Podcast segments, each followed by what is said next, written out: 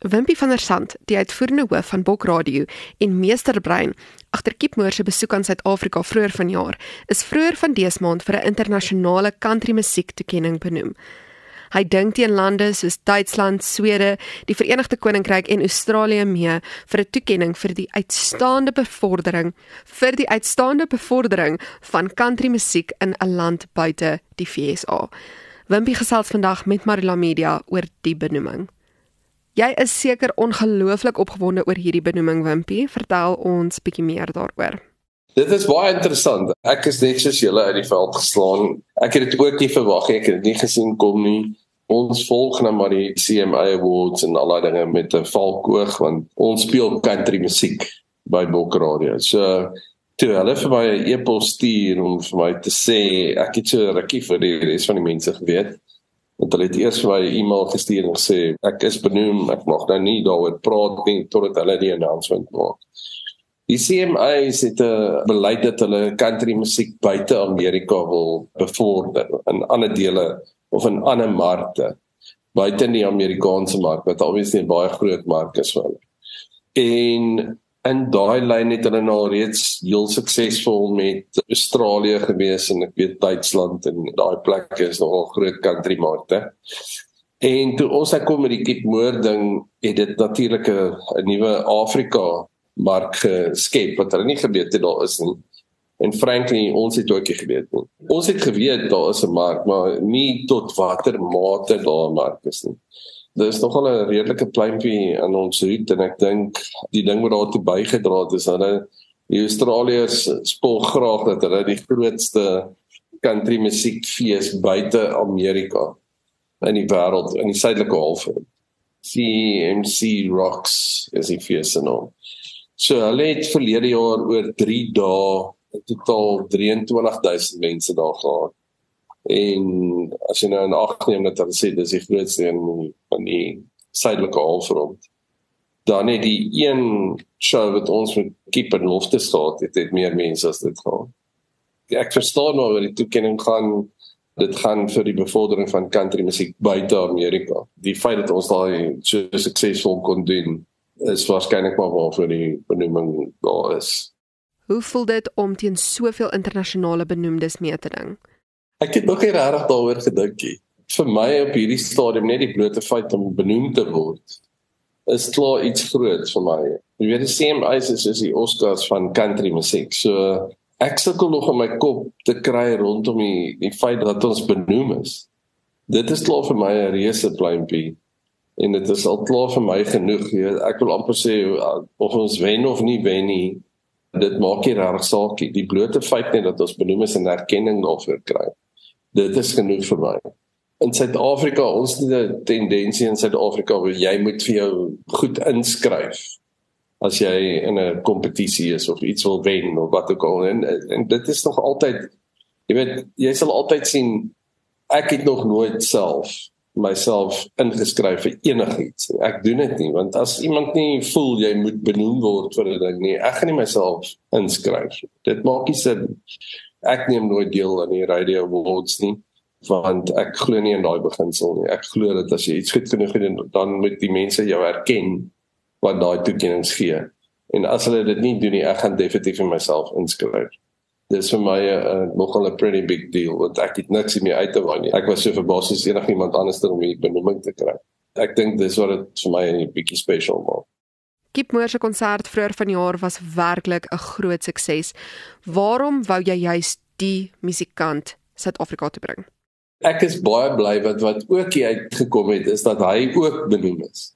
Juist as gevolg van dit for breaking territory uh, in other countries. So ek dink wel wie dit Suid-Afrika 'n baie groot deel daar in sy benoeming ook en ek is baie bly en baie trots op hom vir dit. Ek dink sy musiek is vir my dit is nie die country musiek wat jy as country sal aanvaar in die puriste vorm van country nie. Dis jy gaan dink aan aan ons soos George Strait en daai is wat meer country puriste is, Vince Gill en dan dink jy nou aan keep keep is 'n bietjie meer vir my country rock as wat dit net bloot country is. En ek het 'n baie groot voorliefde vir daai tipe musiek. So ek hou van Leonard Skinner en ek hou van daai country musiek met so 'n bietjie van 'n rock aanslag. So die eerste keer toe ek sy musiek gehoor het was op tel van my wel Afrikaanse kunstenaar John Boucher het my link aangestuur te sê van yes my ou luister die musiek ek gaan nie van hou en hy was 100% reg so die eerste keer toe ek dit hoor ek kon nie wag om dit op die lig te speel om te kyk hoe aanvaar die res van ja, die Afrikaners dit die musiek vir my ek dink wat aanklank vind is dat Kipse musiek en Afrikaanse musiek is nie regtig baie ver van mekaar verwyder as jy nou gaan kyk dan die Die naaste daarin sal seker net maar John Belcher wat ook so 'n bietjie van 'n rockerige aanslag het wat vir my nice is ek hou daarvan. So dit was nie vir my baie moeilik om om met Kip te gaan nie want ek het van sy musiek gehou. En ek dink nou ek is nou 28 jaar in radio en ek dink nou 28 jaar op, op radio wat ek 'n breakfast show doen. Iewers there somewhere along the line begin jy weet wat mense van sal hou. Jy begin daai jy ontwikkel self en op natuurlik. So die eerste keer toe ek dit hoor, het ek dadelik die eerste sang van hom wat ek gehoor het was Heart's Desire. En ek het dadelik te ek hoor, te weet ek weet my luisteraars gaan mal wees hieroor. Ek is bly om te sê ek was reg. Ek dink wat hom waarskynlik so 'n bietjie anders te maak is dat dit meer country rock is en omdat dit meer country rock aanslag is, dan het dit 'n bietjie meer aanklank in die Afrikaanse mark hoor, dink ek. Hoekom dink jy is Suid-Afrikaners so lief vir country musiek? In die laat 80s, 90s. Jy weet in die ou dae het jy jy het Springbok radio gehad. Springbok radio, Kontry radio, jy het radio Hoofveld gehad. Sy het al die ou streeks radiostasies in Suid-Afrika gehad. Die stasies was streeksgebonde en hulle het tog baie musiek gespeel wat ons nou vandag wat nou nie meer in hulle genre is nie. En die rede daarvoor is dat hulle kommersieel gegaan het en meer kommersieel jy gaan jy met vir die groter breër publiek obviously uitsaai en hulle mark is nou anders te hulle mark het verander. So die kommersiële stasies speel nie meer regtig Afrikaanse musiek nie. Jy gaan nie dit op KFM nie. Wat gebeur het is hulle het daai musiek, hulle het Afrikaans afgeskeep en die ander ding wat hulle saam met Afrikaans afgeskeep het is country. As jy mooi gaan terugdink, my paale en my ouers en my ouma het Jim Reeves geluister. Elvis wat 'n baie groot country in sy musiek het. Koning van rock and roll, maar sy roots is in country. So Jim Reeves, even Elvis Presley, Johnny Cash, Mac Davis, destyds ou Lawrence ought to be humble. Daai tipe musiek het jy baie gehoor op Springbok Radio, jy het dit baie gehoor op Country Radio het jy dit gehoor want dit was country en Afrikaans dit was aanvaarbaar destyds en jy het daai tyd het hulle nie na die mark gekyk soos wat hulle vandag daarna kyk nie. So vandag die grootste gros mense in Suid-Afrika is nou neig nou na hiphop en hulle neig na allerlei ander musiekgenres. So wat het gebeur? Een Afrikaans het verdwyn van die kommersiële stasies af en twee country het verdwyn. Dis hoekom jy daai gaping het tussen die laaste country musiek wat ons gehoor het op um, radiostasies wat Don Williams, Kenny Rogers, Dolly Parton en 'n mate dit het jy alles gehoor en toe dit gestop. So al die moderne of al die country daarna het so half en half verdwyn. Jy het 'n hele generasie wat nie weet wie Garth Brooks is nie. En Garth Brooks op 'n stadium was die grootste verkoper van musiek in die wêreld en hy het verby Suid-Afrika geglip. Ons het dit nie gehoor nie want hoekom die radiostasies het dit nie gespeel nie. Sedert dan het jy klomp kommers of 'n klomp uh, gemeenskapsradiostasies gehad wat toe nou weer Afrikaans teruggebring en herleef het. En ons het die gaping gesien met country musiek. So ons het nou weer country gevat en ons het besef want daar's 'n hele gros country kunstenaars wat great musiek maak. Dink maar aan Keith Urban Wees nou realisties, waar hoor jy regtig Keith Urban op die lig? Jy hoor dit by gemeenskapsradiostasies. Die kommersiële inspel dit nie, want hulle besef nie daar's 'n mark nie. Net soos hulle nie besef Afrikaans het 'n mark nie. So daar's 'n hele gros country ouens wat nou country musiek maak wat nie op die mainstream gehoor word nie. Dit is Luke Combs. Ehm um, jy Luke Combs het vir Garth Brooks, jy het vir Keith Urban, Morgan Wallen en hulle musiek word net bloot en gespeel want dis nie die teiken man. Ek dink dit is hoekom Afrikaanse mense veral is lief vir country musiek want country musiek dateer uit daai dae wat jy nog kon hoor op Springbok, jy kon dit nog hoor op Hoëveld, jy kon dit nog hoor op Kontry en nou hoor jy dit nie. En die ander baie belangrike ding is country musiek vertel 'n storie.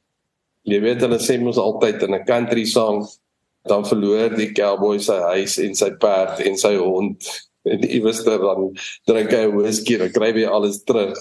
So, maar die feit is dis net maar tong en die kies, maar die feit is dis 'n storie. Hulle dit vertel 'n storie. En ek dink dit is wel ooreenkomste met Afrikaanse musiek en met country musiek. Is daar Afrikaners hou van stories. Ons hou van stories vertel. Ons hou van Tolla van 'n Merwe, ons hou van Wikus en daai ander soort stories vertel het destyds. 'n Goeie country song vertel 'n lekker storie. En ek dink dis hoekom ons daarvan hou. Wat is jou droom vir country musiek in Suid-Afrika? ek is 'n baie groot aanhanger van country musiek. Ek het nou nie boots en the states en guns en 'n perd en sulke goed nie, maar ek is 'n liefhebber van country musiek. So vir my ek sal bitter graag wil hê ons ons doen nou volgende jaar 'n baie groot internasionale country fees oor 2 dae wat ons in Kaapstad gaan doen met ag kunstenaars wat huge is wat ons nou gaan in die volgende 2-3 weke gaan bekend maak. En my droom vir Suid-Afrika is dat ons daai fees sal vat en die grootste fees buite Amerika maak wat country aanbetref. En dit is nie moeilik om te doen nie. Ek dink ons het al reeds die Aussies van hulle troontjie afgeskop. So ek wil regtig hê dat die Amerikaners sal gaan en sal kennis neem van Suid-Afrika en dat hier 'n klomp mense in Suid-Afrika is wat ook country musiek van hou. En ek sal bitter graag wil hê dat daar 'n country musiekbeweging in Suid-Afrika sal ontstaan met country kunstenaars wat proper country musiek skryf, wat proper country musiek doen en sing. En ons kan daai kunstenaars hier in Suid-Afrika vat want ons het die talent. Daar is bitter talentvolle mense hier en ons kan country ons vat soos wat Rowan Ash gedoen het. Rowan Ash het nou in Nashville. Ek dink Rowan gaan dit nog groot maak op baie country sing. Ek weet praat met die ouens daar, dis baie baie beïndrukend om So my wens is dat ons country musiek kan vat hier in Suid-Afrika, 'n mark kan create daarvoor of kan skep daarvoor en 'n klomp kunstenaars wat dalk moontlik nie in 'n ander genre inpas nie wat eintlik maar country is. En daai kunstenaars sal vat en vir hulle loopbane uitkerf in 'n country weergawe hier in Suid-Afrika.